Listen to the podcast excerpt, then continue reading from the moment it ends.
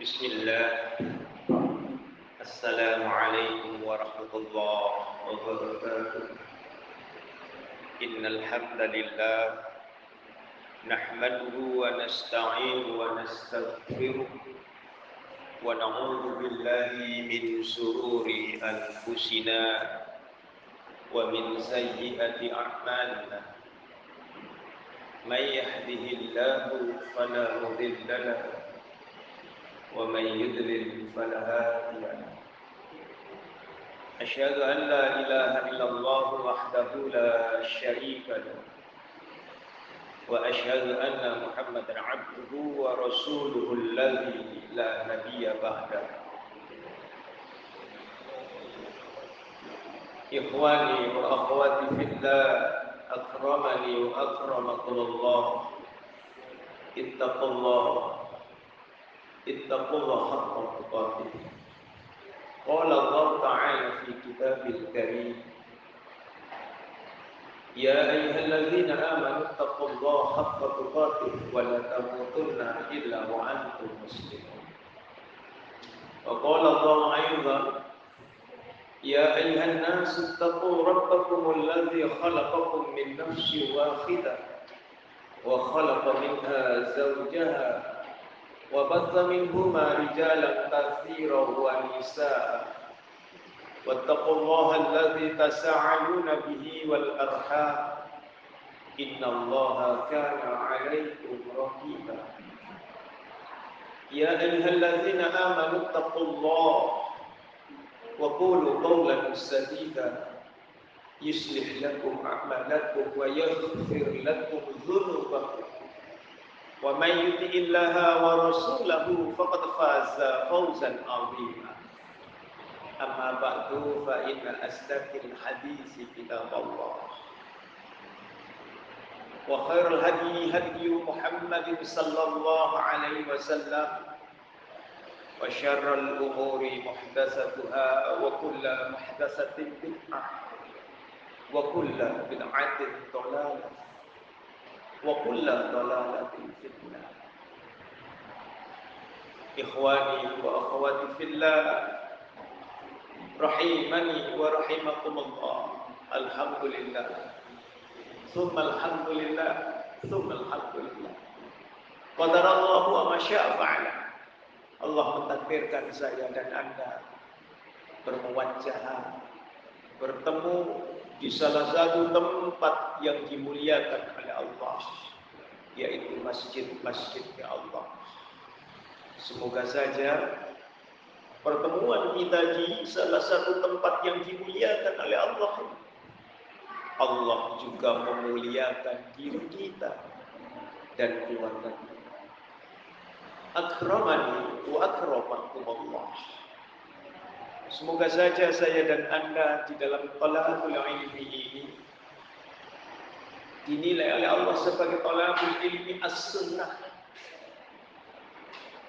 Karena setiap talabul ilmi as-sunnah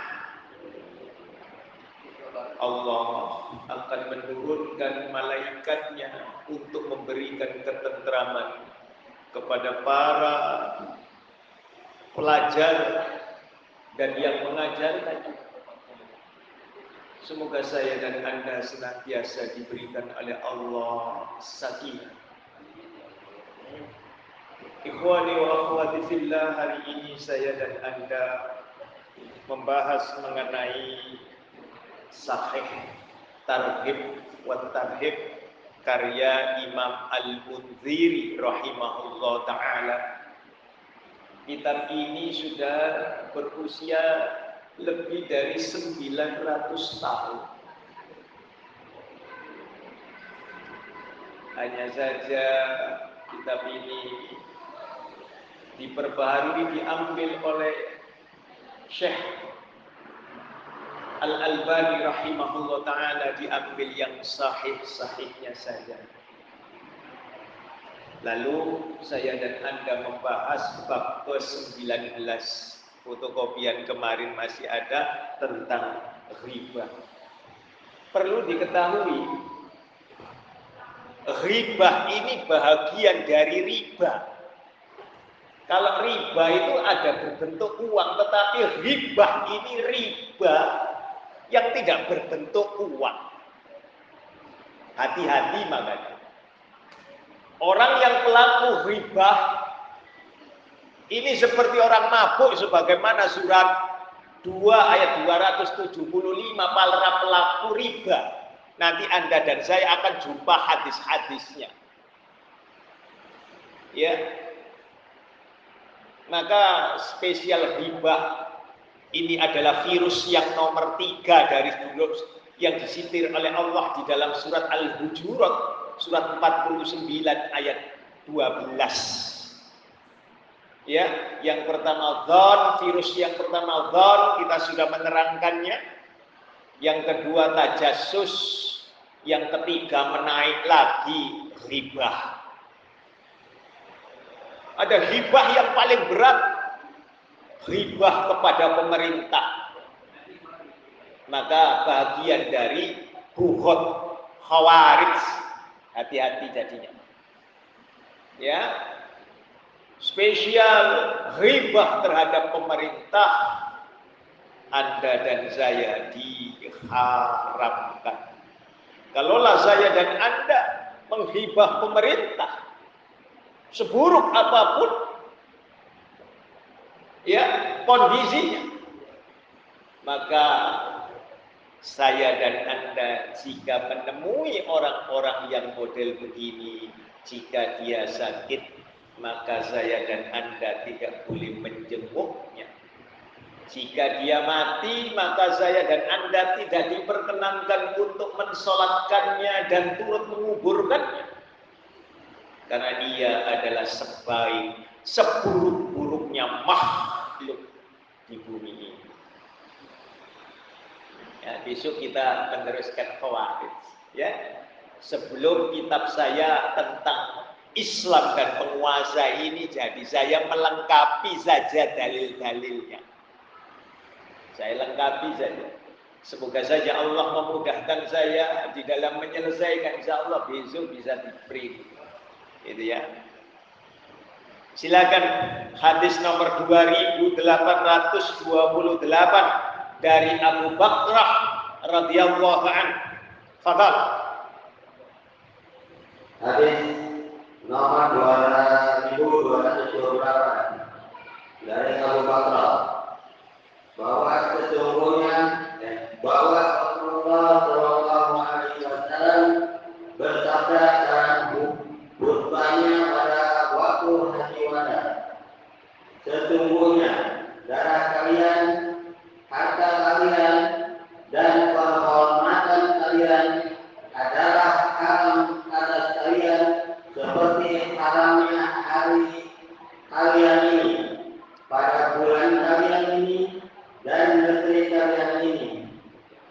Ketahuilah apakah aku telah menyampaikan diriwayatkan oleh Bukhari dan Muslim. Mutafakun alaih. Rasulullah Sallallahu Alaihi Wasallam bersabda di dalam khutbah beliau pada haji wada karena Rasulullah Muhammad Sallallahu Alaihi Wasallam ini hajinya cuma sekali. Ketika beliau hampir mendekati wafat beliau kira-kira tiga bulan sebelum Allah mewafatkan beliau. Pada tanggal 8 Zulhijjah orang bilangnya Tarmiyah. Rasulullah sallallahu alaihi wasallam menerima wahyu yaitu surat An-Nasr. Surat utuh pada era Madaniyah.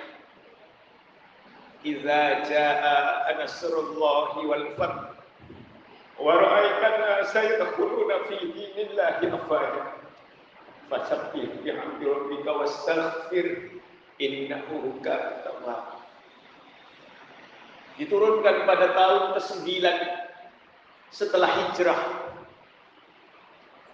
Maka para sahabat banyak menangis. Sejak turunnya surat ini banyak menangis. Tersebab apa? usia Rasulullah Sallallahu Alaihi Wasallam sebentar lagi sudah ya. Ya, turunnya surat An-Nasr itu menandakan bahwa Rasulullah Sallallahu Alaihi Wasallam sang pembawa risalah, sang penyampai risalah sebentar lagi akan menghadap Rohnya. Maka para sahabat sejak itu terutama dua orang sahabat ini Abu Bakar dan Umar radhiyallahu anhu. Mereka hampir tidak pernah meninggalkan diri Rasulullah Muhammad sallallahu alaihi wasallam. Pada tanggal 9 Arafah mereka ditanya oleh sahabat mengenai diri Rasulullah Muhammad sallallahu alaihi wasallam. Maka mereka pun menangis. Mereka pun menangis sebentar lagi. Waktunya sebentar lagi. Sebentar lagi. Dan sebentar lagi. Lalu Rasulullah Muhammad sallallahu alaihi wasallam sebelum zuhur di Namirah yang sekarang ini Namroh atau Namirah, Masjid Namirah di Arafah duduk di atas untanya. Rasulullah Sallallahu Alaihi Wasallam menyuruh salah seorang sahabat untuk menyampaikan apa yang beliau sampaikan ini supaya bergaul. Ya, kalau sholat gitu, Allah Akbar, Allah Akbar, kan gitu ya, sampaikan. Ini juga bergaul, peran berantai, karena tidak ada mik. Lalu Rasulullah Muhammad Sallallahu Alaihi Wasallam menyampaikan ini. Sungguh ishad ya Allah, ishad ya Allah, ishad ya Allah. Kata Rasulullah SAW sambil menunjuk lagi. Ya Allah, saksikan aku sudah menyampaikan semua apa yang engkau risahkan kepada aku. Rasulullah Sallallahu Alaihi Wasallam. Jadi kalau anda haji, biasanya kawan-kawan di masing-masing apa namanya maktab itu ada khutbah. Padahal tidak perlu cukup mendengarkan yang dinamiroh. Tetapi kalau tidak bisa mendengarkan dinamiroh, maka cukup langsung berzikir saja. Tetapi kawan-kawan sebagian besar ya Indonesia ini mengadakan ceramah sendiri dan ini dibawakan. Selalu dibawakan. Ya, sesungguhnya darah kalian. Artinya umat Islam nanti akan saling bunuh membunuh. Maka ditegaskan. Lalu harta kalian saling merampok. Bahkan orang-orang kiai haji, ya ustadz juga merampok atas Buktinya mana? Surat 9 ayat 34 sudah tidak merampok.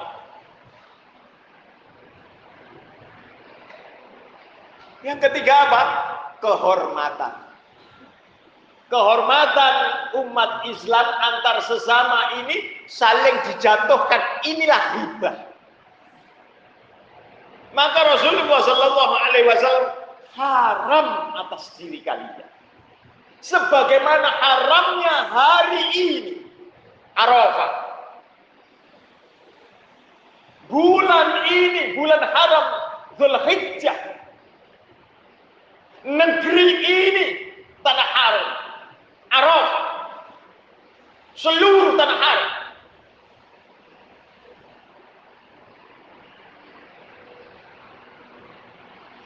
Maka Rasulullah sallallahu alaihi wasallam ala hal Ketahuilah bahwa aku telah menyampaikan risalah ya Allah. Ini nasihat terakhir. Ada lagi nasihat yang mendekati Rasulullah Sallallahu Alaihi Wasallam menjelang wafat. Apa itu? Larangan terhadap kuburion. Nanti saya dan anda akan jumpa. Hadis kedua, pada Hadis nomor 2829.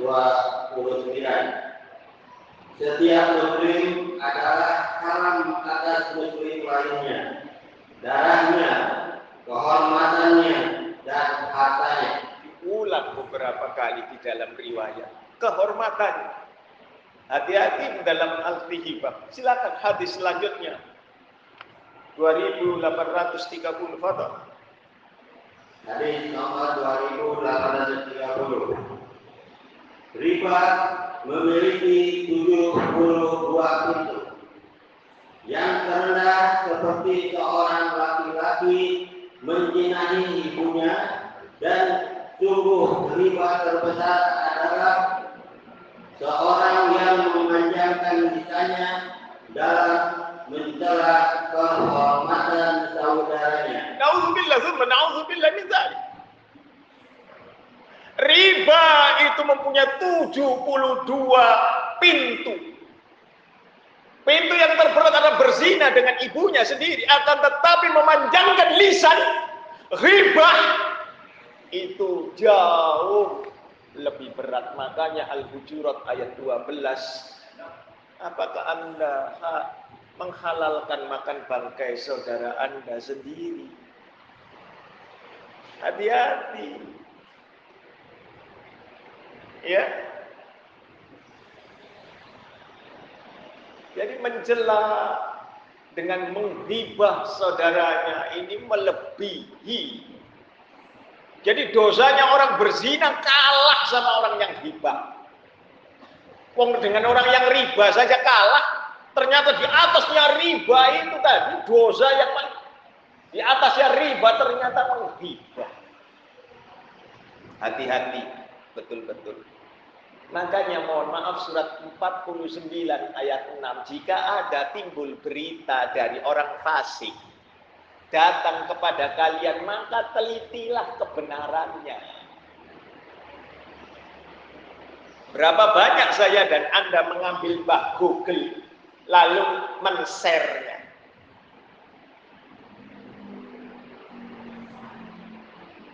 Ya, lalu men-share-nya tanpa meneliti dan menelisik dalilnya sahih atau tidak. Pokok ditulis di sana Hasan sahih sudah ada langsung samina wa atokna. Padahal tanpa melihat betul ada kitab-kitab yang Anda punya. Hati-hati jadi menghibah. Apalagi di kala pandemi begini. Alhamdulillah, Ya, hadis selanjutnya. Kenapa kok pakai ini? Silahkan hadis selanjutnya. Hadis nomor 2831 dari Anas bin Malik radhiyallahu anhu dia berkata Rasulullah Shallallahu alaihi wasallam berkhutbah kepada kami lalu menyampaikan perkara riba dan menjadikannya masalah besar dan bersabar. Sesungguhnya satu dirham yang didapatkan seorang lelaki dari riba lebih besar kesalahannya di sisi Allah daripada 36 perzinaan yang dilakukan seorang laki-laki. Dan sesungguhnya riba terbesar adalah mencela kehormatan seorang muslim. Ingat loh ya, mencela kehormatan bukan menasehati loh ya. Jangan disamakan. Contoh, saya menasehati salah seorang di Fulan kata begitu. Lalu kemudian ini Anda katakan sebagai riba, bukan nasihat. Nasihat itu harus membekas surat 4 ayat 63. Wajib membekas. Dan saya disuruh untuk berjihad dengan jihad yang keras sekali terhadap dua kelompok orang kafir sama orang munafik. Surat 9 ayat 73. Jadi membekas beda antara hibah Bedakan. Sama dengan surat 2 ayat 275 itu banyak orang yang mempersamakan antara jual beli dengan riba. Ya. Padahal beda. Beda sekali. Jadi menghiba itu riba yang paling tinggi. Dosanya besar sekali. Silakan teruskan supaya nanti Anda ketemu tentang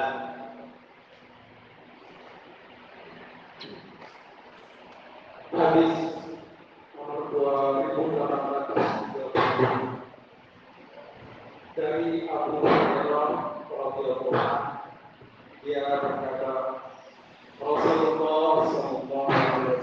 wasallam bersabda di antara kita terbesar adalah panjang lisan seseorang dalam mencegah kehormatan saudaranya Makanya nanti ketemu bab yang ke-20, saya dan Anda wajibnya diam.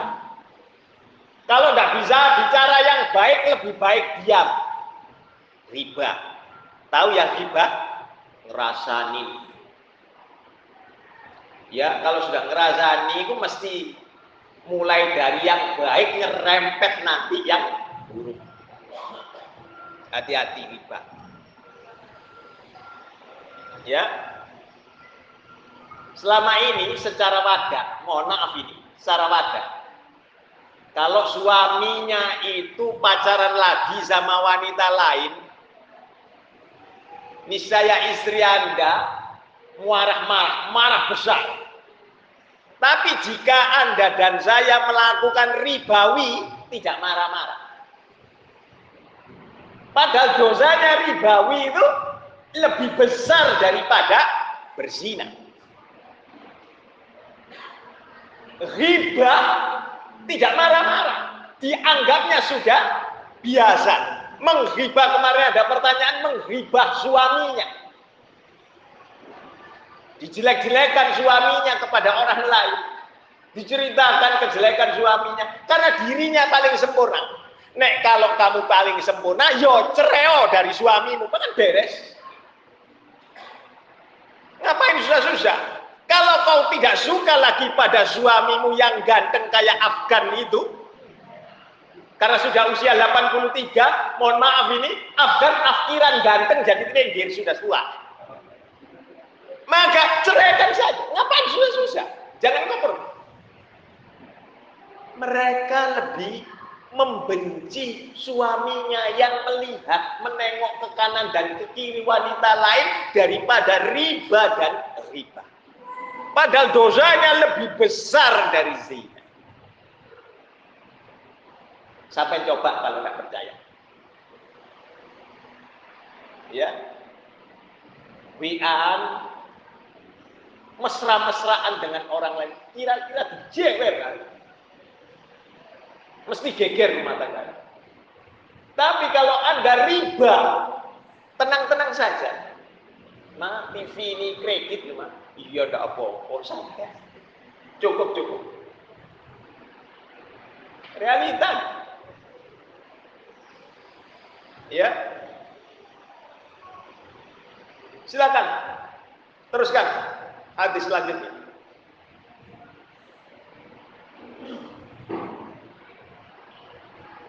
Kemudian hadis B. Hadis nomor 5 B adalah sesungguhnya termasuk dosa besar adalah panjang lisan seseorang laki-laki dalam mencela kehormatan seorang laki-laki muslim tanpa hak dan termasuk dosa besar mencela dengan dua celaan untuk membalas satu celaan jadi kalau dicela wis lebih baik diam saja, wis terima saja. Nyantai. Allah nggak tidur kok. Allahu la ilaha illa huwal hayyul qayyum. La ta'khudhu sinatu wala naum. Allah nggak tidur, nyantai saja. Belajar. Makanya saya dan Anda di dalam riwayat yang lain disuruh menutupi aib saudaranya. Jangan menghibah. Makanya berat sekali perkara lisan ini. Ya, perkara lisan ini berat sekali. Ada pertanyaan. Hadis loh ya. Kalau seandainya waktu kita kemarin berbicara mengenai riba, itu saya bacakan mengenai ini, niscaya sampai malah melebar. Oh nggak tahu dalilnya kan? Bahwa riba itu lebih berat lagi. Ya, riba itu golongan riba yang paling besar. Niscaya udah begitu. Baru dibuka dalilnya nih. Sampai bocor dewek. 900 tahun yang lalu ya, tercatat. Gimana?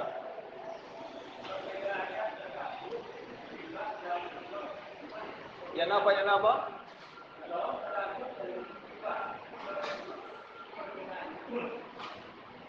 Perbedaan apa? Hibah sama tajasus. Nah, ya, is, sih. Zon itu ada prasangka baik dan prasangka buruk. Tetapi kebanyakan zon itu berprasangka buruk. Juara sekali zon berprasangka baik. Akbar kebanyakan mesti buruk. Zon. Setelah zon, lalu kemudian apa? Tidak ada yang dibicarakan, maka mengungkit-ungkit masa lampau namanya tajasus. Yang disebut hibah itu tadi adalah lebih dari dua ini. Yang ungkat-ungkat yang masa lampau, yang dari zonnya, semuanya masuk. Yang tadinya tidak masuk menjadi masuk. Lah iya kalau kita lihat riwayatnya, wong bapaknya saja PKI begitu. Ya lah, dipanggil-panggil begitu nah. Makanya dipimpin sama mantan bak anak anaknya pengen ya susah. Nauzubillah dzulma naud. Padahal Islam memandang ke depan. Makanya Allah membentuk manusia itu matanya ke depan, nggak lihat ke belakang. Contoh, contoh saja, mohon maaf sekali. Mohon maaf sekali. Anda kumpulkan istri sama anak Anda. Yang Anda sudah menikah 25 tahun, 40 tahun, 35 tahun, kumpulkan papi mau bicara ini. Mohon maaf sebelumnya. Selama kita menikah, mami papi ini menikah, tolong mami koreksi. Apakah kepemimpinan papi di dalam rumah tangga ini papi sudah baik?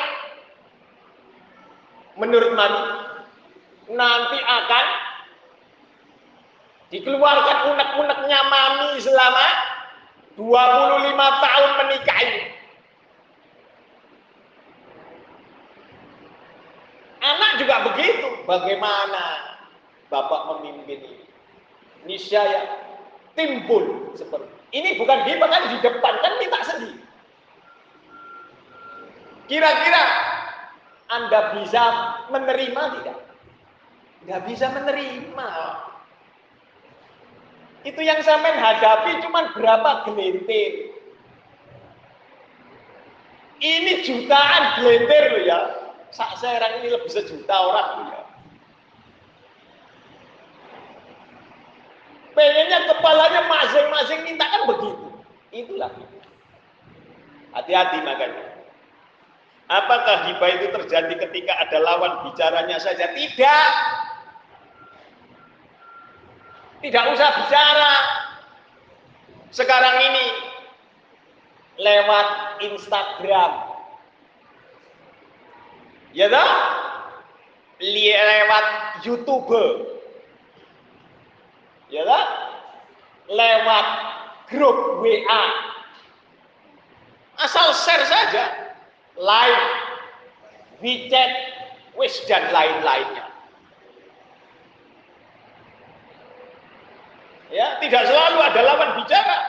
Mau ditanggapi, nggak ditanggapi, ya tetap saja. Bagaimana jika menulis status tentang keburukan seseorang lalu dibaca oleh orang lain itu termasuk menghina? Naam. Ingat yang dibangkitkan itu tuh bukan tulisan Anda tetapi nawa itu Anda. Anda buka Riyadus Solihin. Bab satu nomor hadisnya kedua.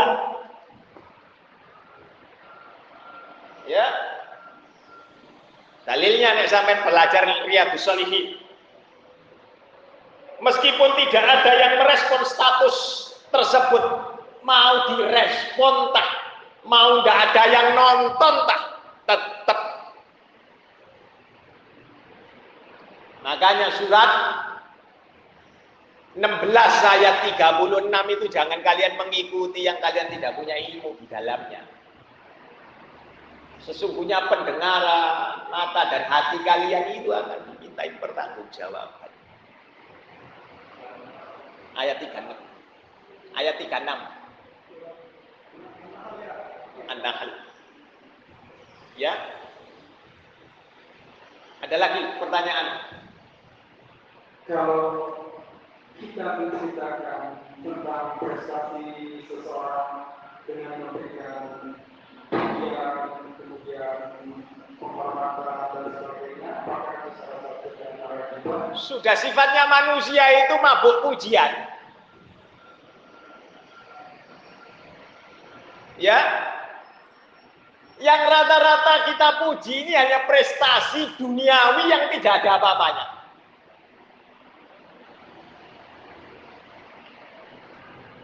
Tetapi kita tidak pernah memuji prestasi anak kita di dalam akhir urusan akhirat. Atau orang lain di dalam urusan akhirat. Tidak ada.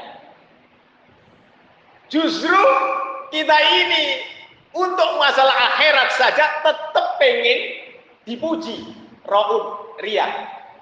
Alhamdulillah, ayo jam satu malam ini bangun ya. Sebagai malam kita menegakkan Ngapain? Kalau engkau bangun, harus bangun no dewe. Tidak usah ajak-ajak di grup WA dan yang lainnya. Alhamdulillah saya barusan selesai sholat tahajud. Hati-hati. Ya, biasanya orang yang memuji ini mesti ada udang di balik rempeyek. Gak ada orang baik selain Ustadz Hari. Ya, padahal pengennya utang sama sama Ustadz Hari. Hotel sampai kan banyak ya Pak ya. Sampai tidak ada orang baik selain saya. Siapa lagi yang dapat menolong saya selain sampai? Pura-pura yang begitu, ning utang. Puji dulu, sondol langit. Makanya cuman alhamdulillahirab. Ketika orang tidak lagi mendengarkan Anda di dalam curhatan Anda, Anda ingat sholat Anda. Sami Allahu liman hamidah. Allah maha mendengarkan semua orang. Itu saja. Sampai di sini dulu besok kita teruskan ya. Kita sifat salat Nabi. Ya, nah, nanti kalau diteruskan nanti ini masih panjang ya. Jadi cuman saya hanya menyampaikan berdasarkan hadis ini ternyata ribah itu bahagian yang terberat daripada ribawi. Dan ternyata mohon maaf punya derajat 70 derajat yang lebih buruk daripada perzinahan. Jadi jangan enteng-entengan. Saya dan Anda kan nganggap enteng gibah, no? nganggap enteng riba. Yang besar itu zina, besar. Padahal hasilnya seperti begini. Dosa besar. Cuman berampun yang tidak berampun syirik. Cara berampunnya bagaimana? Surat 4 ayat 146. Surat 2 ayat 160. Bertobat. Gitu ya. Nah. Kita memasuki babak yang kedua, session yang kedua di dalam kitab Anda sifat salat Nabi yang belum punya coba sampai tanya kepada DKM gitu ya.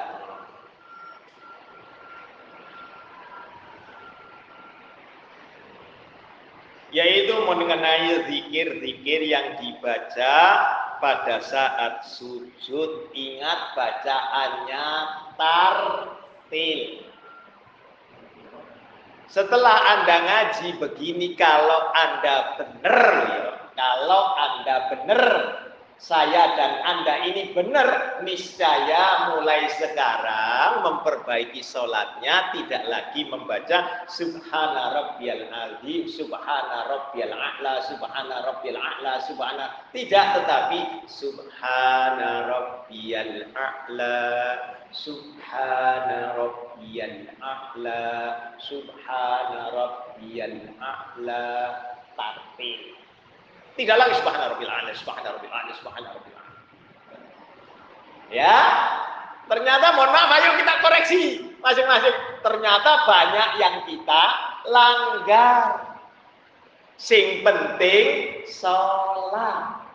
Hmm. terutama ada adik-adik ini, anak-anak ini.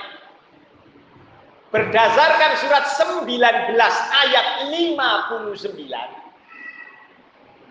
akan tercipta generasi sesudah kita.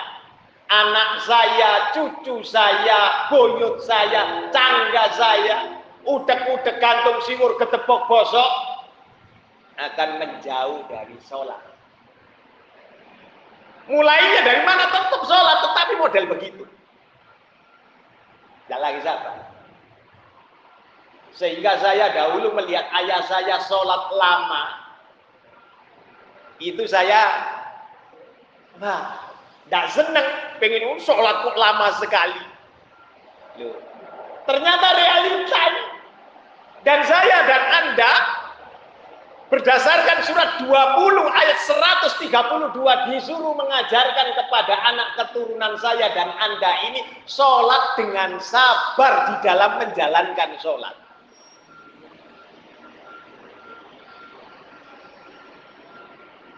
Sekarang yang Jos Marco, Jos Top Marco, Top yang banyak pengikutnya adalah sholat yang ringkas dan cepat. Banyak pengikut masjidnya penuh sampai keluar-keluar karena 10 menit selesai. Oh sholat wajib hanya 3 menit, 2 menit selesai. Itu yang pertama, subhana rabbiyal a'la. Kata subhana rabbil a'la ini kalau imamnya membaca sabbihisma rabbikal a'la hendaknya lah yang ngerti lo imami yang ngerti sunnah lo imamnya diam sejenak. Sabbi isma rabbikal a'la. Berhenti sebentar. Makmum dan imamnya membaca subhana rabbiyal a'la. Berhenti sejenak. Ini dalilnya. Sunnah hukumnya. Sunnah-sunnah yang sudah ditinggalkan. Ya. Lalu yang kedua adalah Subhana rabbiyal a'la wa bihamdi. Ini yang sudah mulai dari dahulu ya. Cuman dibacanya dengan cara cepat. Karena hafal di luar kepala. Bukan di dalam kepala. Ngerti artinya, enggak baru ini kalau lihat baru ngerti saya. Kaki keliru. Maka selama ini, selama ini saya dan Anda sholat yang tidak tahu maknanya, maka sama dengan surat 4 ayat serat eh, ayat 43. Jangan engkau berdiri sholat dalam keadaan mabuk sukaro. Kalau begitu saya dan Anda sholatnya dalam keadaan mabuk, oh nggak ngerti maknanya. Loh. Lalu subuhun kudus rabbul malaikatu warruh. Ya. Ada lagi Allahumma laka sajadtu wa bika amantu wa laka aslamtu sajada wajhiya lilladzi khalaqahu wa sawwarahu wa syaqqa sam'ahu wa basarahu bihaulihi wa quwwati fatabarakallahu ahsanal khaliqin. Sajad. Kalau ini Anda baca, saya ingin memperlama sujud. Bacaan ini. Lama. Ya, Allahumma laka sajadtu wa bika amantu wa laka aslamtu. Sajada wajhiya lilladzi khalaqahu wa sawwarahu wa saqqa sam'ahu wa basarahu bihaulihi wa quwwati fatabarakallahu ahsanal khaliqin. Makmum Anda sudah berdiri duluan.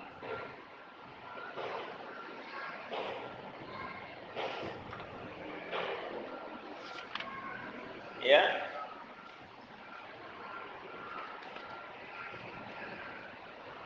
Lalu yang keenam Allahumma firli zambi kullahu wa dikkahu wa jullahu wa awwalahu wa akhirahu wa alaniyatahu wa sirrahu. Jadi bacaannya banyak. Ya. Ya Allah, ampuni dosaku semuanya. Baik yang sedikit maupun yang banyak. Ya, yang terdahulu maupun yang terakhir yang tampak maupun yang tersembunyi. Hapus. Kecuali satu yang tidak bisa dihapus apa? Syirik.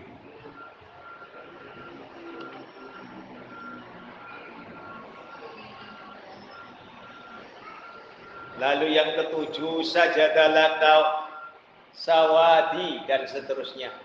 Ada lagi subhanakallahumma rabbana wa bihamdika Allahumma rabbighfirli. Ya, sejak turunnya tadi surat An-Nasr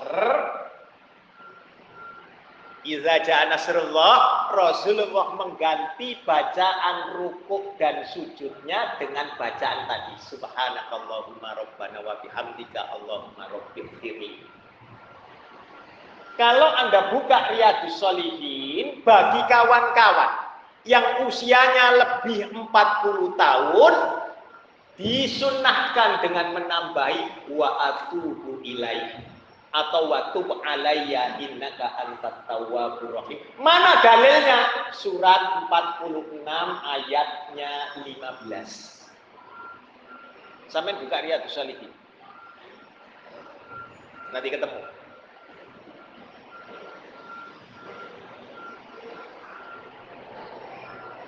Ya.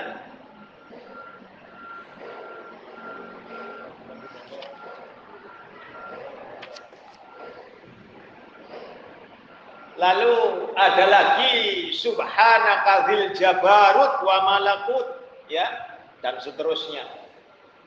Ada subhanakallahumma wa bihamdika la ilaha illa anta. Bacaannya banyak di dalam. Selama ini saya dan Anda mengenal berapa? Dua ya. Subhana rabbiyal a'la, subhana rabbil a'la wa bihamdi wis. Paling-paling subhanakallahumma rabbana wa bihamdika Allahumma rabbighfirli. Itu pun dibaca dengan cepat, ya kan? Katanya pengen berdoa. Padahal Anda dan saya beristighfar saja. Maka seluruh hajat Anda akan dikabulkan oleh Allah lantaran Anda berdoa dengan istighfar Anda. Saya ditanya oleh akhwat yang sudah sepuh. Dari sini, ketika saya mau pulang, di mobilnya sambil pegang tulisan seperti ini. Ya, lalu kemudian sampai di rumah saya baca dan saya tidak jawab hari ini saya jawab. Pertanyaannya, dikala seperti pandemi begini ekonomi kan susah. Iya kan? Kemudian ada wabah ini supaya saya senantiasa sehat. Rezeki saya luas lagi lapang. Doa apa yang saya mesti haturkan? Usaha saya sepi. Restoran sepi. Hotel sepi. Jangankan yang begitu, kedai kecil saja sepi. Mudah baca saja doa duduk di antara dua sujud. Wis, sampai baca artinya niscaya Anda akan tahu. Rabbi firli sudah tahu ya. Ampunilah aku ya Allah ya Tuhan Robku ampunilah Rabbi firli warhamni belas kasihanilah aku. Wajburni cukupilah aku. Cukup bukan kaya mau beli mobil cukup mau keluar negeri cukup mau beristri lagi cukup warfa'ni angkat derajatku rofa diangkat. Baik itu di masyarakat di mata istri di mata anak di mata mana pun. Rofa menjadi yang kalau sudah rofa itu yang terbaik memintanya kepada Allah. Tidak ada rofa dihinakan. Rofa warzukni berikanlah kepadaku rezeki wahdini berikan kepadaku petunjuk wa'afini sehat sejahterakan tidak ada kalau anak mendekat beres dong Enggak ada Pak. Wah, sampai nambah-nambah ya. Mana dalilnya jawabnya nih? Adanya cuma di Ihya Ulumuddin sudah dikatakan itu. Sudah ditakrir oleh santrinya sendiri yang mentarik. Hadis itu la aslalahu. La aslalahu enggak ada dasarnya.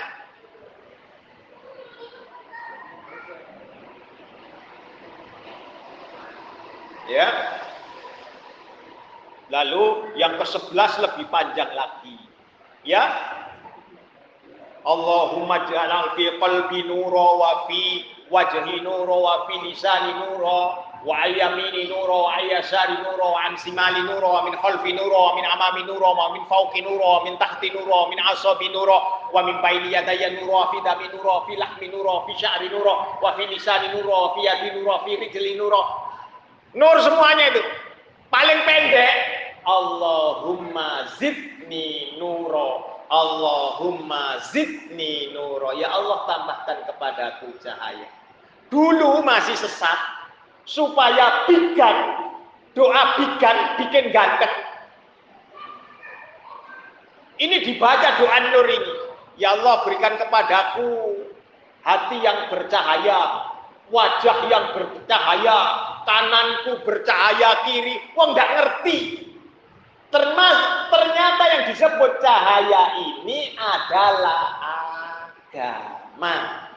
Bukan pancaran supaya ketok ganteng orang. Wis tuwek ya tuwek. Ya salah.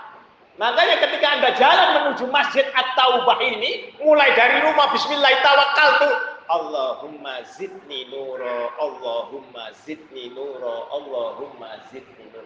Begitu sampai mau pelataran, Allahumma antas salam wa minkas salam. Begitu.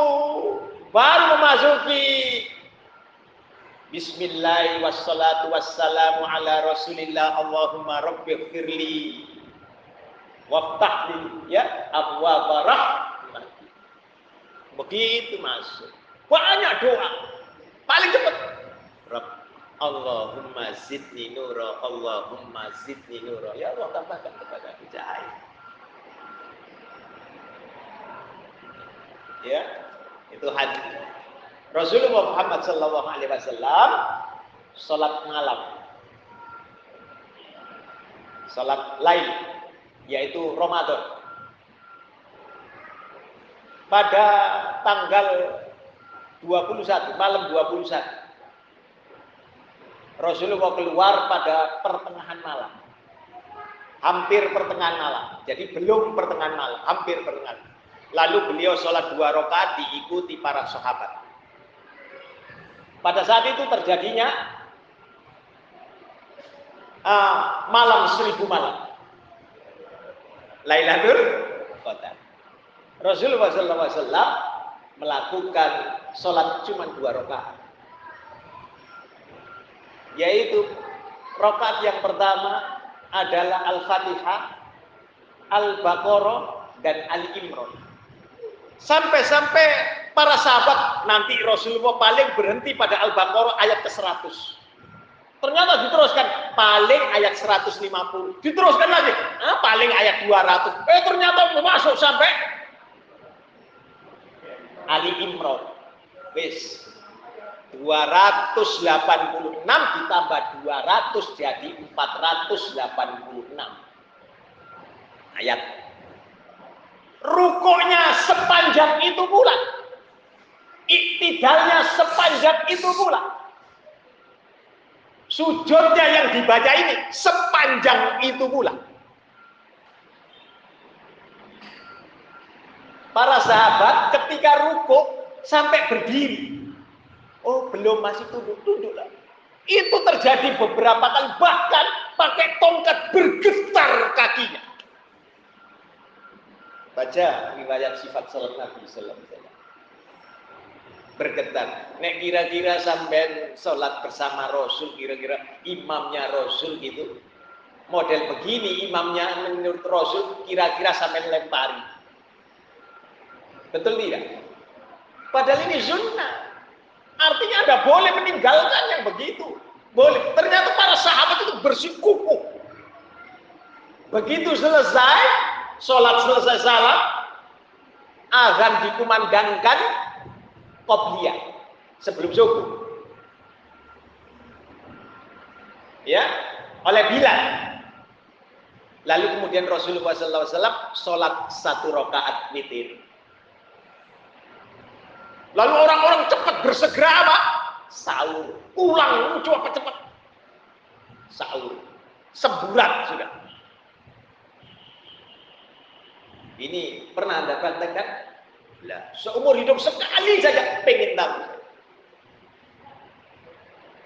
Ya, bacaan Al-Ikhlas kira-kira 150 kali lah. Bos itu kan enggak apa loh.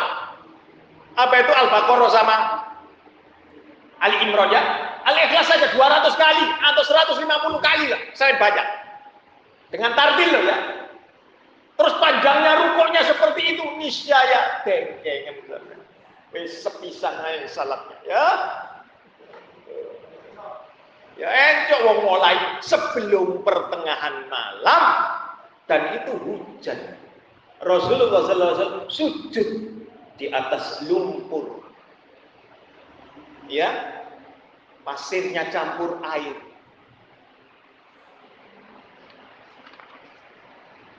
lalu larangan membaca Al-Quran di dalam sujud membaca doa di dalam sujud boleh walaupun mengambil dari Al-Quran tetapi jangan berniat baca Al-Quran ya lalu memperlama sujud. Memperlama sujud banyak yang salah kaprah. Terutama pada akhir sebelum salah diperlama daripada yang lain salah. Sampai baca hadisnya rukuknya, iktidalnya, sujudnya, duduk di antara dua sujudnya hampir sama mislul sawa.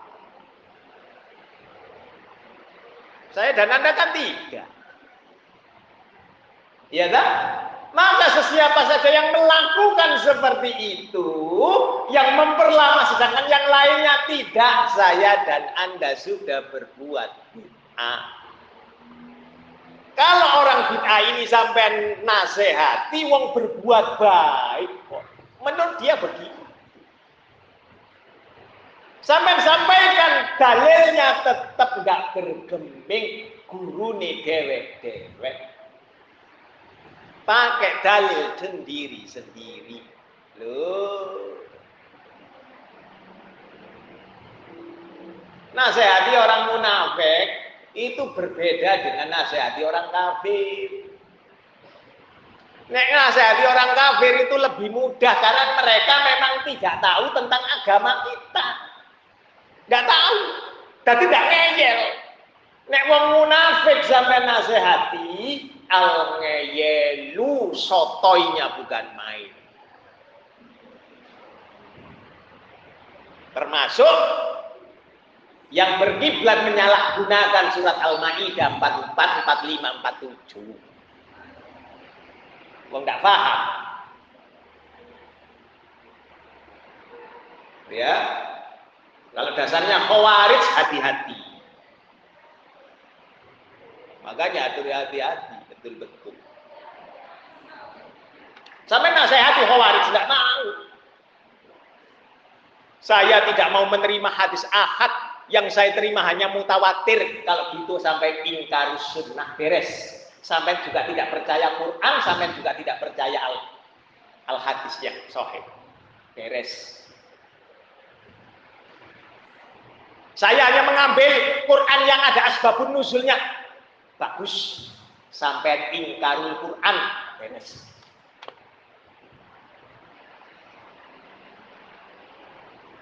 Ya. Tandanya nggak ngerti, sotoynya bukan main.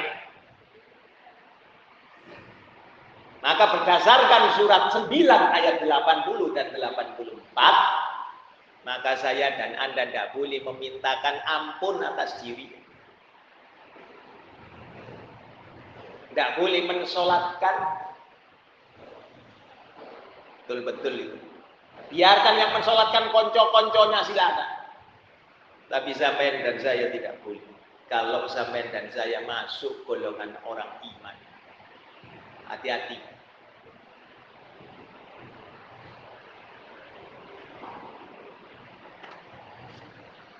Lalu keutamaan sujud itu sudah jelas, sudah kita terangkan. Sahih tarhib wa tarhib. Setiap anak Adam berdiri untuk sholat, maka diletakkan semua dosa-dosanya di atas pundaknya. Disunggi katanya orang Jawa. Ketika rukuk dan sujud, ketika rukuk berguguran, ketika sujud meluncur. Dalilnya begitu. Dosa-dosanya meluncur.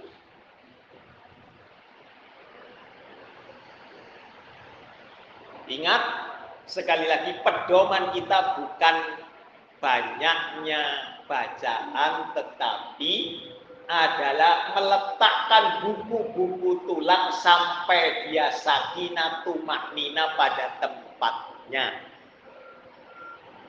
Salah kaprahnya kan selama ini kita oh sudah tiga kali selesai. Sami Allah. Rabbana wa lakal Allah. Kan begitu. Hah? Sama. Ya, meluncur kalau sujud.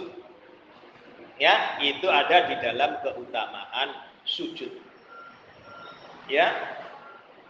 Dan nanti akan ada timbul bekas, bukan model bekas saya begini loh yo. Lihat bacaan hadisnya itu. Orang-orang ya mengatakan bekas sujudnya ini model begini ini keliru. Saya saking kepinginnya karena ada dalil yang begitu maka saya tok. Pakai tembak-tembakan itu ya. Eh, yang nempel itu. Lo beneran ini saya tidak ngecap enggak saya tidak lihat orang lain. Ngecap diri sendiri saja. Ben saya ini dianggap orang ahli sujud. Padahal keliru. Malah suruh menghapus pakai zaitun, vaslin, diperhalus. Mbah, mbah, sampai kok ngecap hitam begitu, kenapa mbah? Wih banyak sujud, nah. Ya, kalau kamu banyak sujud begini nanti, nak ya. Alhamdulillah. Rohun. Ya. Ini kebodohan saya masa lampau. Ternyata dalilnya tadi sudah ditekankan, ditahan oleh tangan sampai bergetar ini para sahabat ini. Saya membaca Sirah Nabawi. Karya dari berbagai macam karya. Saya ingin tahu khusus mengkhususkan jidat atau dahi Rasulullah Muhammad Sallallahu Alaihi Wasallam. Tidak ada satupun dalil bahwa Rasulullah Sallallahu Alaihi Wasallam jidatnya itu menghitam karena yang ada jidatnya menghitam itu khawarij ada dalilnya. Ya, kemarin sudah kita. Nanti sampai buka di dalam besok kita jumpa. Khawarij ada jidatnya yang menghitam. Jadi hapus. Apa? Lo yang berusaha kan hadisnya menerangkan usaha kalau engkau belum sempurna di dalam berusahalah untuk menyempurnakannya. Berusaha minimal yang kita dia pakai fasli. Kalau beli fasli tidak mampu, pakai minyak sayur. Kalau minyak sayur tidak ada adanya bekas-bekas goreng ikan asin, pakai saja tidak apa-apa. Dikerubungi kecoa ya tidak apa-apa ya enak lagi. Jadi itu hadisnya di sini. Ya, wa kana Rasulullah Muhammad sallallahu alaihi wasallam yaqul ma min ummati ahadun illa ana wa ana a'rifuhu yaumal qiyamah. Tidak seorang pun dari umatku melainkan aku mengetahuinya pada hari kiamat. Qalu maka para sahabat itu mengatakan, "Wa kaifa ta'rifuhum ya Rasulullah? Bagaimana engkau mengenali mereka ya Rasulullah?" Keutamaan sujud. Ada itu bagian keutamaan sujud dalilnya di dalam buku Anda. Eh, keutamaan sujud. Ya. Lalu Rasulullah Shallallahu Alaihi Wasallam memberikan sebuah tamzil. Bagaimana jika engkau berada pada kerumunan kuda, ya yang semuanya itu hitam legam, semuanya hitam legam. Lalu di antara kuda-kuda itu kakinya ada yang putih, ada yang ke, apa itu kepalanya putih. Kamu bisa melihat tidak? Oh bisa ya sudah selesai. Itu diberitahu seperti itu. Bukan kemudian ya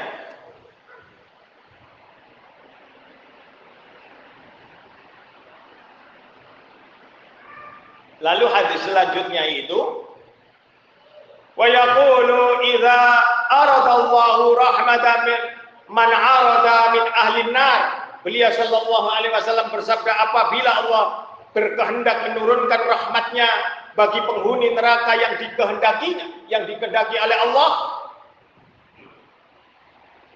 amara Allahul malaikati ayyukhriju man kana ya'budullah maka Allah menyuruh, memerintahkan kepada malaikatnya untuk mengeluarkan sesiapa saja yang pernah menyembah Allah. Di dalam riwayat yang lain, orang-orang yang mau masuk surga itu mencari teman-temannya.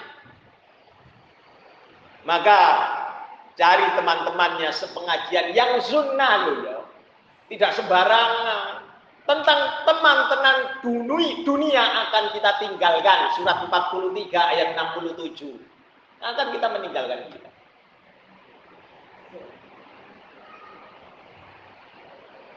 ya ayat 67 surat 43 ayat 67 ya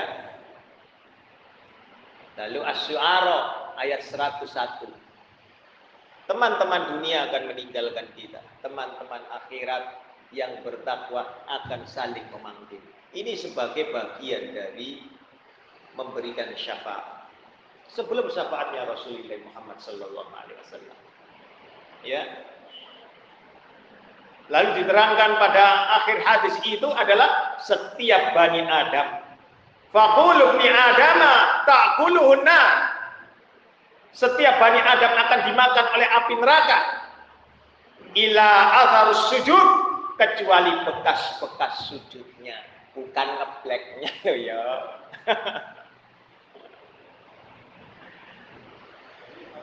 Ya. Apa? Iya. Apanya? Kan kemak tadi sudah dikatakan seperti kuda tetapi pakai lainnya warnanya hitam dia kepalanya putih. Tahu nggak sampean? Sama dengan mohon maaf ini ada seribu orang terus ada orang yang bule albino itu sampai mesti tahu ini albino rambutnya kelihatan albino itu wajar albino itu tahu sudah sampai lainnya hitam legam saya pernah berkumpul di Saudi itu dengan kawan-kawan dari Afrika. Dari Kenya segala macam ya. Wong hitam-hitam tinggi-tinggi. Saya mudah dikenali oleh kawan-kawan Indonesia ya. Begitu padahal di antara kerumunan yang banyak karena mereka tinggi dan hitam. Sama dengan begitu. Padahal saya ganteng ya orang putih ya orang. Ya, tapi mereka tahu Indonesia nah itu mudah sekali Ya, jadi bukan keliru kalau saya pikiran saya zahiri ya, itu tadi ngetok gitu.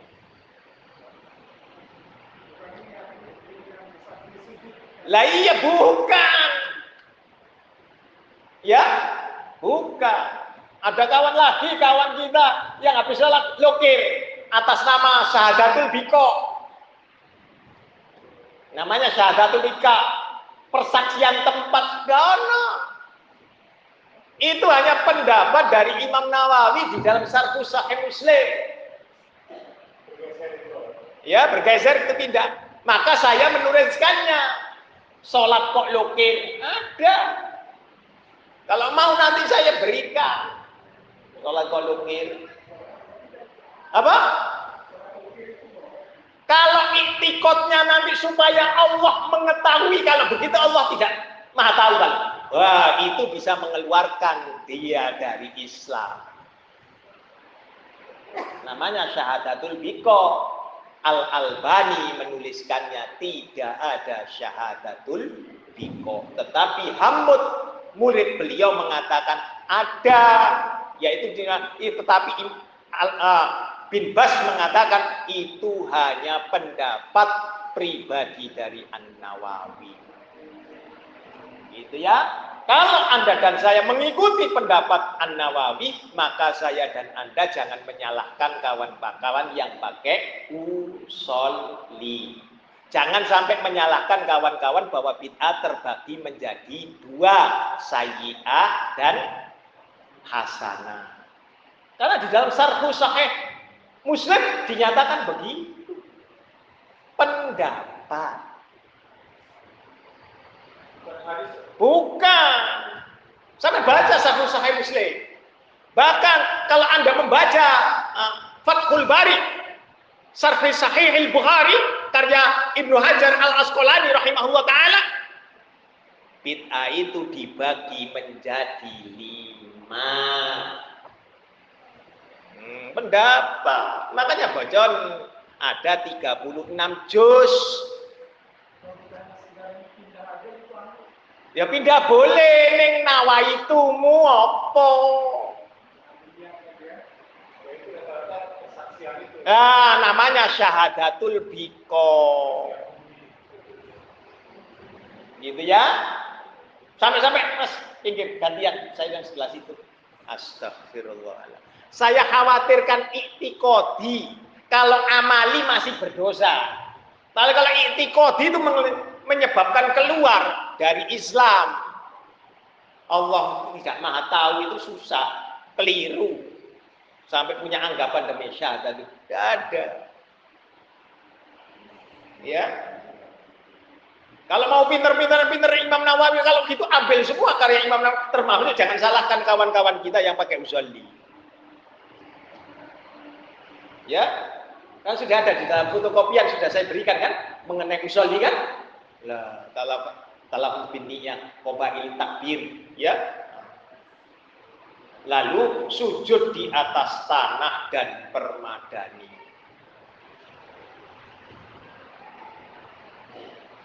Ya, ingat masjid itu yang sederhana saja. Mohon maaf loh ya, mohon maaf. Anda nyumbang apa ini granit.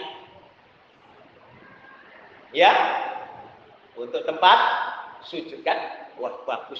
Pikirannya, granit berapa ini harganya? Eh kalah sama karpet. Sudah pakai granit kasih karpet.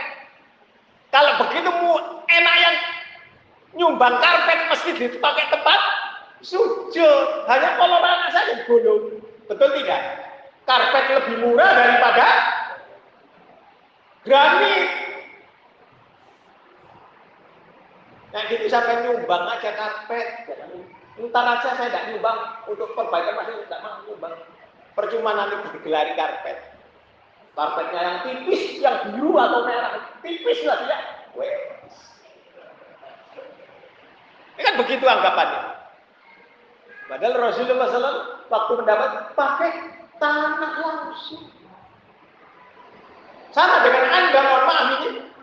Rasulullah SAW sudah belajar Anda dari sifat sholat Nabi. Rasulullah SAW sering melakukan sholat dengan pakai sendal. Sampai masuk masjid pakai sendal. Lama kira-kira sama marbonet sel dilempar sampai dengan air. Ayo, pengen tahu ada hadis yang menerangkan kalau selalu copot, ya, maka sama dengan yang Dalilnya nanti kita ketemu. Ya, oh, sampai begitu. Mana ada masjid yang tidak copot semua? Begitu mohon maaf ini. Ketika Raja Saudi Arabia memasuki istiqlal menggunakan sepatunya, karpet merah dan sepatu, wow, orang-orang, kayak tawon gas. Yang ngomong ini sering berangkat haji tetapi tidak pernah lihat kakinya orang. Kalau di tanah suci masuk masjid pakai sendal orang popo sampai masuk. Mulai dari mata Anda masuk nggak apa-apa. Anda sholat pakai sendal Anda saja nggak ada nggak boleh. Tahu kan?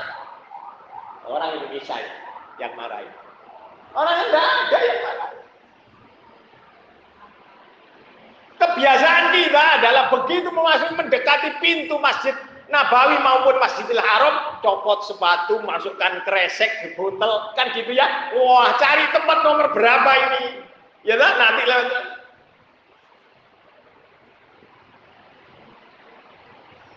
Ya, padahal banyak orang yang pakai sepatu. Lihat itu askar-askar sholat pakai sepatu. Masuk ke dalam masjid begini. Gak ada askar terus cekeran itu gantungan nanggone apa itu Ka'bah itu cekeran. Gak ada. Itu tidak diperhatikan oleh kita. Ya toh? Kok Ka'bah diinjak-injak pakai sepatu, ya toh? Tentara Indonesia yang mayoritas Islam. Kan gitu. Justru kita orang Indonesia bawa sajadah mendekati Ka'bah, diusap-usap. Ka'bahnya dengan sajadahnya, kemudian dia cium-cium masya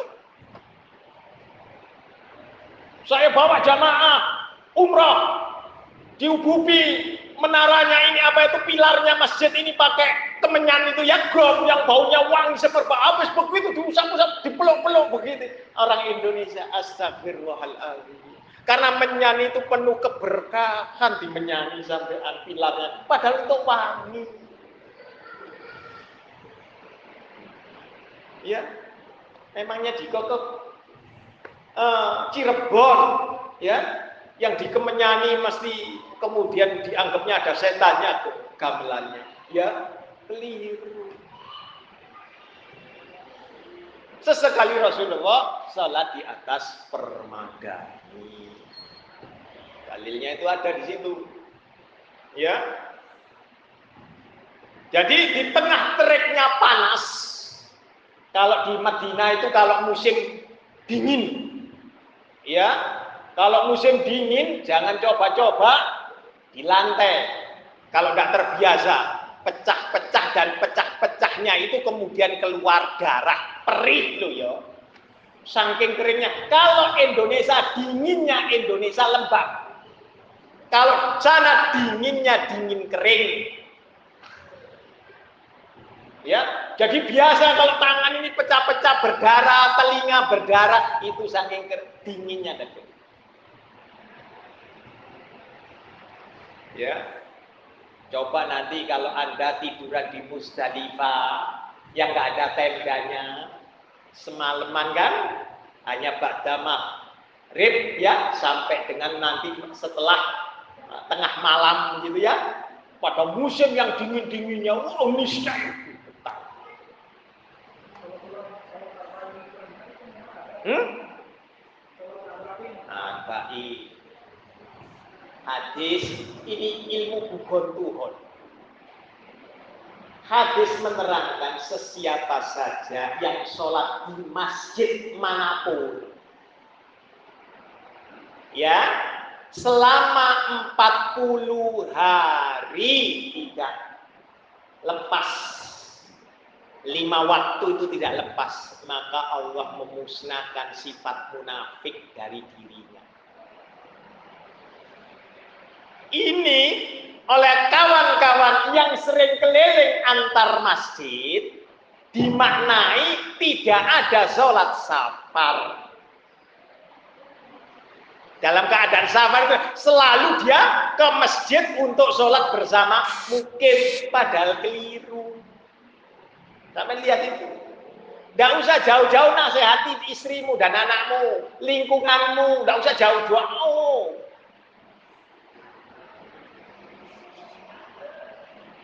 Ternyata apa realitanya? Itu tadi. Lalu kemudian sama kita-kita yang travel ini, ya pembimbing ini, mutawif terlalu kemelinti, ya kan? Mutawif begitu ya Maka melindi.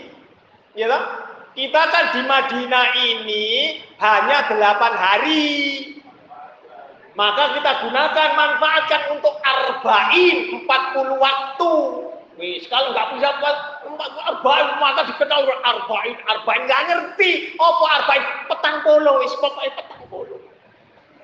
Nur Toyai selamat, selamat. Tidak paham. ya terjadi realitanya. Anda dan saya melupakan. Dalil, kalau engkau berada di Madinah, sesiapa saja yang berwudu dari tempatnya dia mukim, lalu kemudian ia datang ke Kuba dan sholat dua rakaat, maka ia mendapatkan pahala umroh sempurna, sempurna, sempurna. Saya dan Anda tidak berangkat di dalam, nunggu kalau KBIH-nya dan rekan-rekannya bersama-sama toh. Udah. Sekali toh, selama delapan hari itu cuma sekali toh supaya gratis. Kenapa kok tidak tiap hari? Kalau Anda mengejar pahala, betul tidak? Hanya 10 rial. taksi 10 rial bolak-balik 20 rial wes beres patungan lagi ya enggak kenapa kita tidak lakukan karena ketidaktahuan kita ya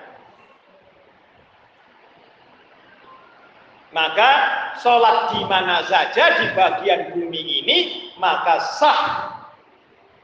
Beliau Shallallahu Alaihi Wasallam setiap bagian dari bumi ini telah dijadikan bagi umatku sebagai masjid. Semua bagian tanah ini. Dan juga mensucikannya. Maka di mana pun seseorang dari umatku itu telah mendapati waktu sholat, maka di sisinya ada masjid. Tidak usah bingung-bingung. Coba Anda jalan, masjidnya jauh. Ya, lalu Anda berwudu nih atau ngambil di taman, sholat di Coba sampai di taman gitu ya, sholat. Wah, nggak tahu masjidnya jauh. Kan tidak semuanya muslim, kan? Susah. Maka sholat di sampingnya sudah. Kalau ini Anda lakukan, Apa jawaban orang-orang yang melihat Anda? Aneh, sholat ke pinggir jalan, di taman kayak gak ada masjid saja, males itu.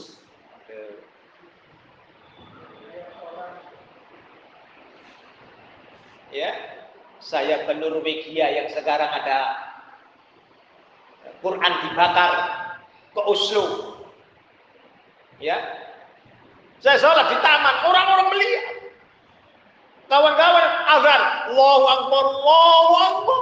Suaranya memang enak. Orang-orang melihat. Mereka ikut sholat padahal nggak ngerti. Dikiranya olahraga. Dan mereka tidak ada yang mencerca. Kalau coba di Indonesia, di negeri yang banyak muslimnya ini, Coba sampai aneh.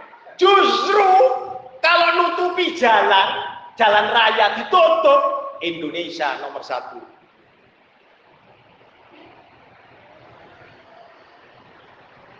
Ya, coba di sana, tidak ada.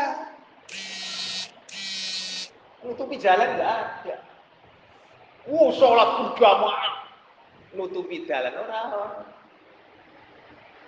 Tolong tunjukkan satu dalil saja tak entah ini kapan pun ada Pak.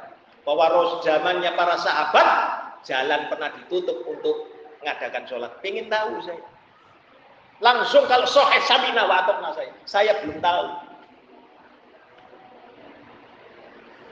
Ya, tolong tunjukkan PR buat Anda.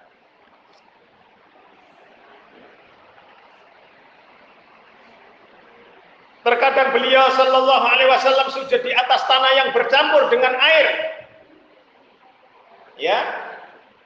Lalu kadangkala Rasulullah Sallallahu Wasallam sholat di sebuah tikar kecil. Sekali lagi tidak bergambar loh ya. Dalil gambar sudah loh ya, sudah kita terangkan dalilnya ya pada awal-awal. Jadi sajadah Anda yang gambarnya ada Ka'bah, ada gambar masjid, minggir. Mending pakai sarung ini. Cuman tulisannya gajah klesetan jangan ditaruh di atas ya. Taruh di bawah. Hati-hati loh ya. Anda sudah belajar sunnah. Rasul saja terganggu. Kalau Anda tidak terganggu, Anda lebih top daripada Caranya bagaimana terserah mau dibalik atau mau apa. Jangan kan gitu. Mohon maaf, yang tepatnya biasanya kaki Anda letakkan di atas. Orang-orang orang edan. Mesti begitu. Betul tidak? Kadang-kadang Anda berbagi saja, betul nggak ya? Dengan sampingnya. Coba bagian kaki Anda letakkan ke tempat teman Anda. Nggak sopan dianggapnya. Le, jangan begitu, itu tempatnya kaki, orang dimuliakan. Loh. Kok tahu tempatnya kaki? Loh, ya kan? Enggak sopan. Hadis sampai baca sebelumnya. Karena saya dan Anda banyak melupakan. Ya. Dalam sifat sholat Nabi itu. Ada pertanyaan? Padahal.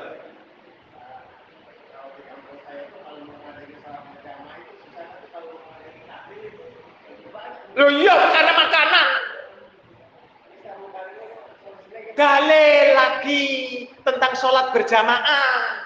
Nanti kita bahas dalam bukunya. Seandainya Isya ini ada yang menggantikan aku kata Nabi. Ya, niscaya akan aku datangi rumah-rumah orang muslim itu akan aku bakar mereka. Seandainya masjid itu ada makanan yang niscaya mereka akan berbondong-bondong berebut. Nek ono pangan. Coba. Saya ini terserah. Ayah saya bapak. Hari pertama ada makanan. Dicoba sama kakak saya. Yang sudah wafat juga. Coba. Saya coba mas. Banyak yang datang. Hari kedua tidak ada makanan. Karena sudah datang, tidak ada makan, cuma minum dong. Mereka kembali. Hari ketiga, sepi. Mesti kalau uangnya habis. Kalau begitu datangnya mendoakan lil panganan, ceromohan katanya orang Surabaya. Ya, modus. Apalagi sampai berbagi sajadah, berbagi kopiah, berbagi apa itu sarung. Wuh, dua, ah, lima puluh ribu lah, wes beres. Oh nggak kenal duwatan semua, berduyun tuh. Padahal nggak usah pakai pengumuman, nanti ada nggak usah pengumuman. Ayahanda mantan gubernur sini itu kawan saya. Ketika wafat, kan dari mana Alasannya karena toko oh, tukang becak yang nggak ngerti saja buatan semua kan dapat 50 dan 100 ribu. Coba saya Saya datangnya di amplopi. Kalau saya datang keluar pakai mobil pada temennya, dan kasih 100. Belum lagi dapat sarung, dapat segala macam saja. Iya, coba sampai coba ya. Kalau nggak percaya sampai mati ya dulu. Nanti sampai bilang sama keluarga Anda. Ya, sampai coba. Mesti terjadi. Nah, prakteknya Anda dulu gitu ya, mati. Gitu. Sampai wasiat kepada keluarga Anda, mesti tidak datang. Pertama dong Ya.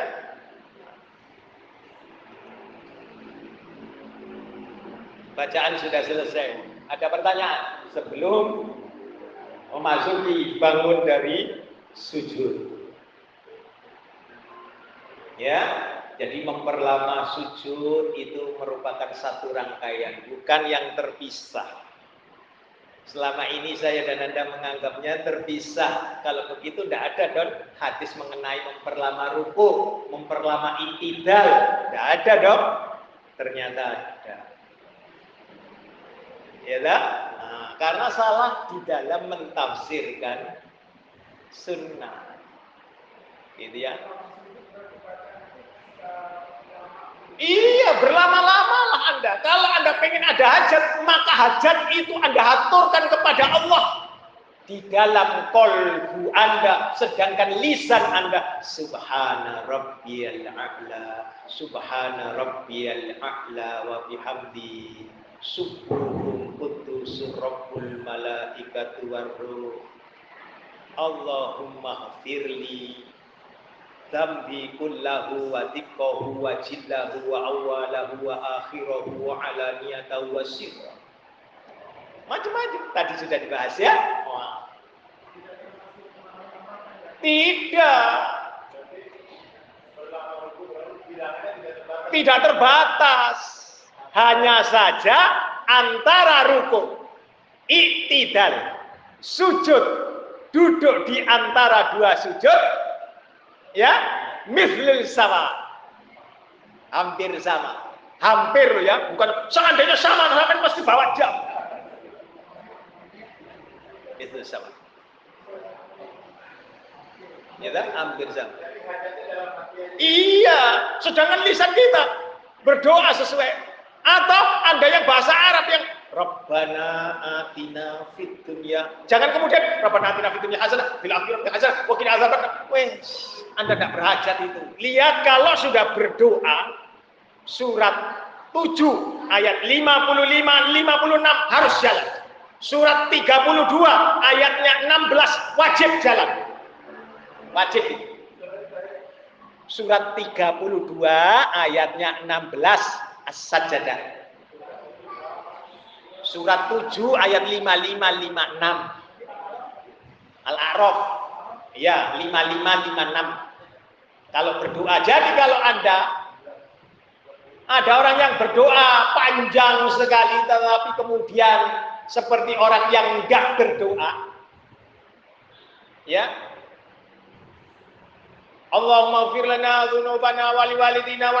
Kama rabbayana shighara wa li ikhwanina alladhina sabaquna bil iman wa la taj'al fi qulubina ghillan lil ladzina amanu. Rabbana innaka rabbana taqabbal minna innaka antas samiul alim wa tub alaina innaka antat tawwabur rahim. Wis tinggal no enggak usah dikasih selawat.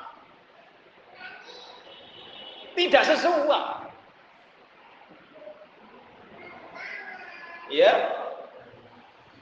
Contoh lagi anak-anak kita diajari sesuatu yang doi.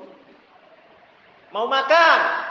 Bismillahirrahmanirrahim. Allahumma barik lana fima razaqtana wa qina adzabannar. Amin. Makan. Tunjukkan doanya di mana, dalilnya mana, riwayatnya siapa. Tolong tunjukkan. Membudaya enggak? Membudaya. Pada cukup Bismillah.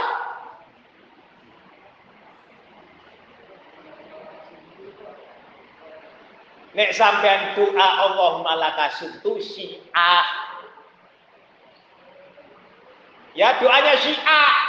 Allahumma laka suntu kalau Eh, dari selama ini sampai anti syiah ternyata masih syiah. Wis beres kok. Lah iya, karena ya itu tadi bercampur antara yang goib dengan yang soheh dengan alasan yang doif itu kan dalam bahasa kan lemah ya Pak ya. Yang lemah ini mereka perhalus dengan kurang sohe. Padahal intinya yang kurang sohe ini berasal dari Rasulullah juga. Begitu. Dinina bobokkan saya dan Anda. Padahal Anda dan saya sudah belajar di dalam Lu'lu' wal Marjan nomor hadisnya 1 sampai dengan 4 kembali lagi ke masa lampau. Sudah kita ajari di sini ya. Sesiapa yang berdusta atas nama Rasul maka siapkan tempat duduknya dari api neraka.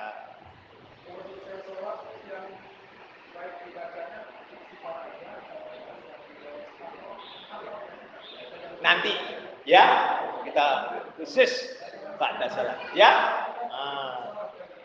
Makanya kalau sholat pada sholat tidak ada Alhamdulillah dalilnya doi fujidan. Yang ada istighfar tiga kali. Ada pada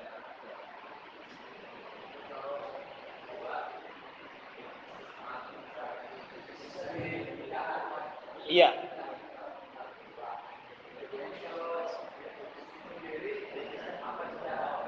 Boleh boleh memilih enak, cuman nggak boleh bengok-bengok. Kalau sendiri sebaiknya si khawatirnya mengganggu. Ya, Anda ini datang terlambat. Masuk masjid datang terlambat. Hadis menerangkan sampai sudah dinilai sholat berjamaah. Karena sampai sudah dianggap sholat berjamaah, lalu Anda keraskan, padahal yang lainnya sedang berzikir. Alhamdulillah. Suaramu, suaramu. Sesiapa saja sampai mengganggu khawarij. Dalilnya sudah sudah. Jadi tuduhan khawarij itu sudah ada sejak. Jadi tidak mengikuti Rasul itu bisa sampai begitu. Hati-hati. Iya, mas diem saja. Ya, rungokkan. Jangan kemudian pikirannya gelambir ke mana-mana loh ya. Baca semampunya. Ya. Iya karena budua iya Allah Akbar ikuti sudah. Gak usah diteruskan begegek begini saja.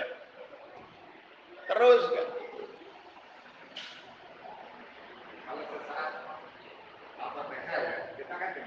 Iya. Kembali itu bagus. Ya, tanah khusyuk itu berat. Gelabir, kembalikan lagi. Gelabir, kembalikan lagi. Berapa kali kita gelabir, harus biarkan sudah. Pokoknya kembali. Iya, berusaha balik. Jangankan gitu ya Pak ya. Jangankan gitu. Sampai sholat. Sampai sampai kosong. Ya, sampai berjamaah. Wis sudah tenang. Teman Anda datang pakai sajadah digelarlah. Ya kan? Karena musim virus kolor anak ya pakai sajadah bergambar. Mesti sampai ngelirik ada sampai tujuan sampai sudah lurus mesti. Nah, sudah tahu sudah tahu. Ya itu tadi kan? Baca kembali. Itu adalah kilatan setan. Sudah dibaca kan dalilnya kemarin. Ya itu dia antar kembali lagi. Jangan kemudian setan kamu ya. Bakal jangan gitu. Ya kan? Mesti. Jangan kan gitu. Ada teman yang Anda kenal. Ya, yang biasanya pakai. Hah, bukan golongan saya. Iya. Mesti begitu. Hati kita terpolong. Hati kita terpolong. Ah, mesti pakai usolli. Loh ya kan tenang pakai usolli. Betul. Terganggu. Padahal konsentrasi Anda terganggu. Kembalikan lagi astagfirullah. Maka ketika disunahkan, ketika Anda terganggu seperti begitu, ta'awud tiga kali dengan meludah sebelah kiri, kaki sebelah kiri loh ya. Jangan kemudian sebelah kiri, dekat orang, sampai kan. Hati-hati, makanya ngaji. Iya. Ada.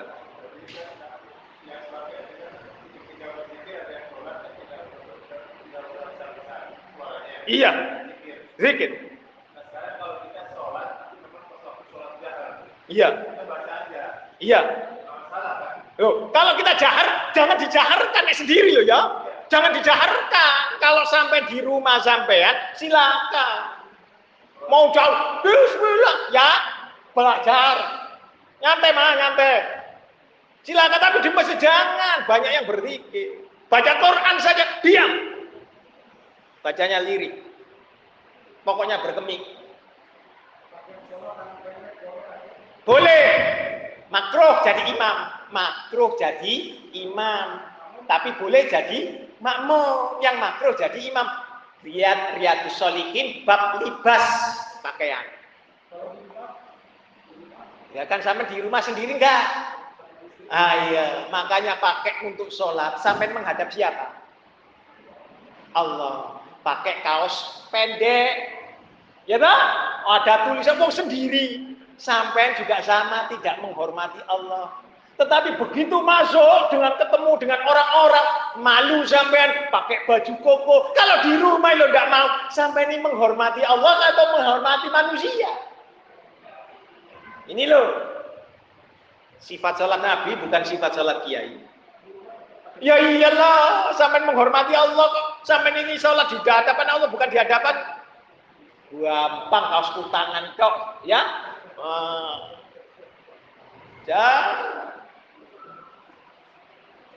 Ya. Ada lagi?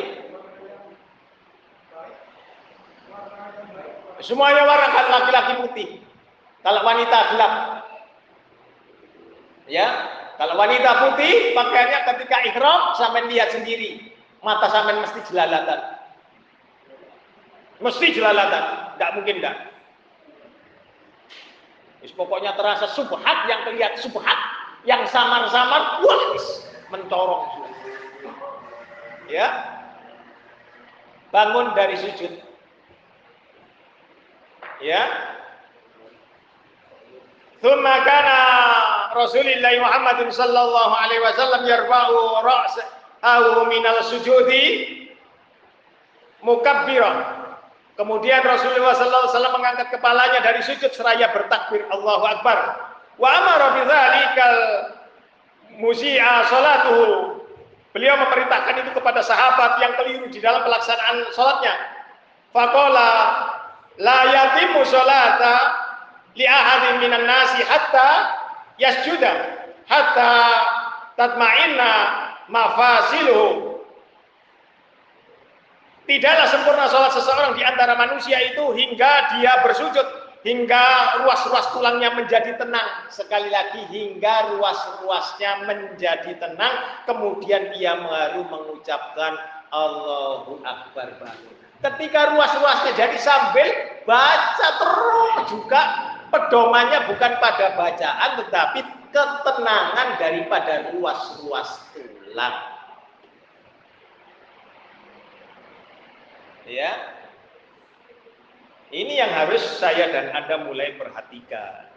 Ya, terkadang beliau mengangkat kedua tangannya itu bersamaan dengan takbir dan duduknya ada dua kita sudah menerangkannya. Ya iftiros atau ik'a ya ik'a gitu ya. Kalau ik'a bagaimana? Jangan dianggap Pak Oh itu orang aja Ik'a. Ini sunnah Nabi Sallallahu Alaihi Wasallam. Gitu ya. Iftiros sama ik'a. Ya. Yaitu duduk iftiros dan ik'a ketika duduk di antara dua sujud.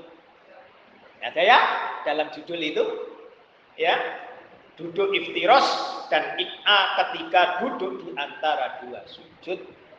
Ik'anya bagaimana? Tumitnya juga harus dipertemukan.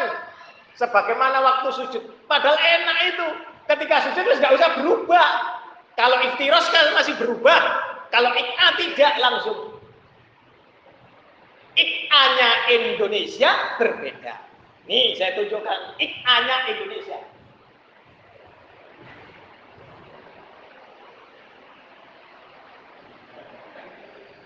Ini ik'anya Indonesia.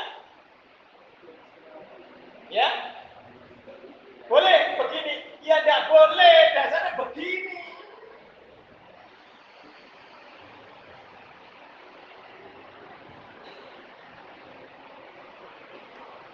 Sering ya? Jumpa itu ya? Ikannya Indonesia.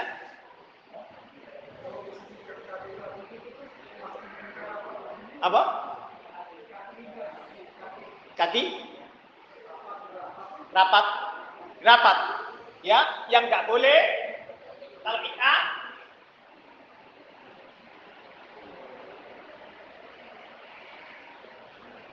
ya anjing.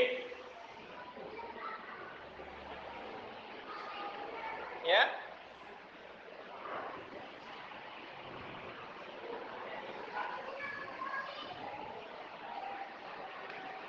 Ada pertanyaan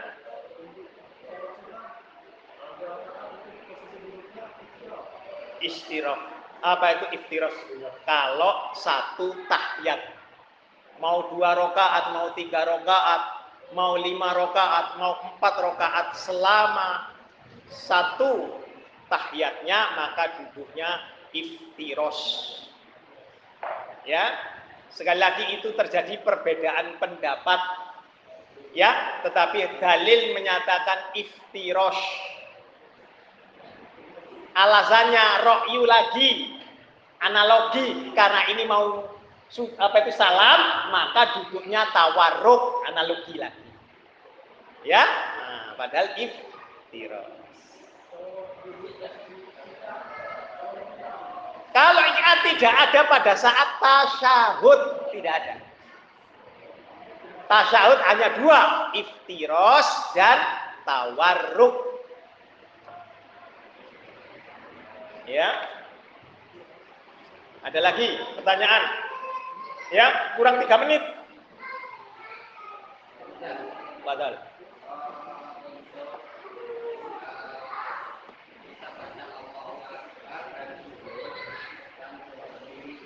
Iya.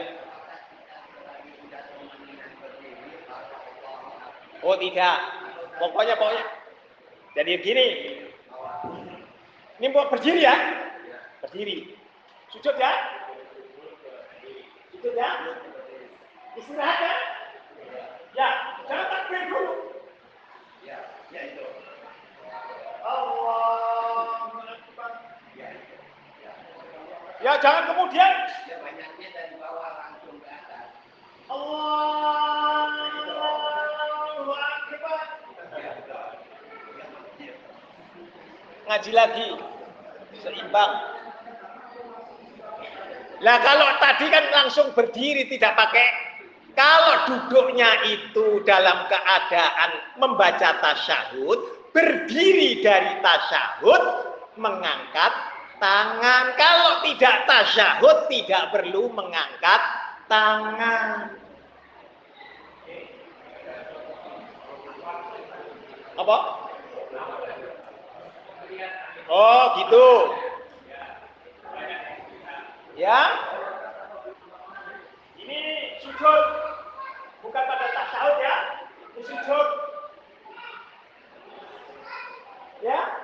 Ketika istirahat, apakah Anda iftiros atau ikna? Ya. Jangan pakai baca takbir.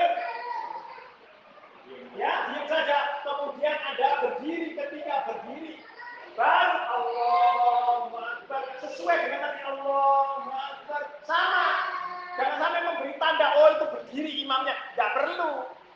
Apalagi ketika pada rokaat terakhir. Ya, Allahu Akbar. Oh ini tandanya akhir. Ya, Allahu Akbar. Begitu ya. Maka dia sudah berlaku kita. Hah? Eh, sudah kita terangkan. Suruk itu adalah awal duha. Jadi jangan jangan dibiar waktunya itu mulai dari syuruk. Jelas? Iya. Sama dengan sampai azan Allahu Akbar sudah sholat subuh. Yang betul apa? Selesai sampai ikomat kan begitu. Itu. Tetapi Anda boleh nggak sholat pada saat orang azan Allahu Akbar, Allahu Akbar. Boleh. Anda suruh. Ibaratnya begitu. Selesai sampai di sini dahulu. Kurang lebihnya saya mohon maaf. Subhanakallahumma bihamdik. Asyhadu an la ilaha illa anta astaghfiruka wa atubu ilaik. Assalamualaikum.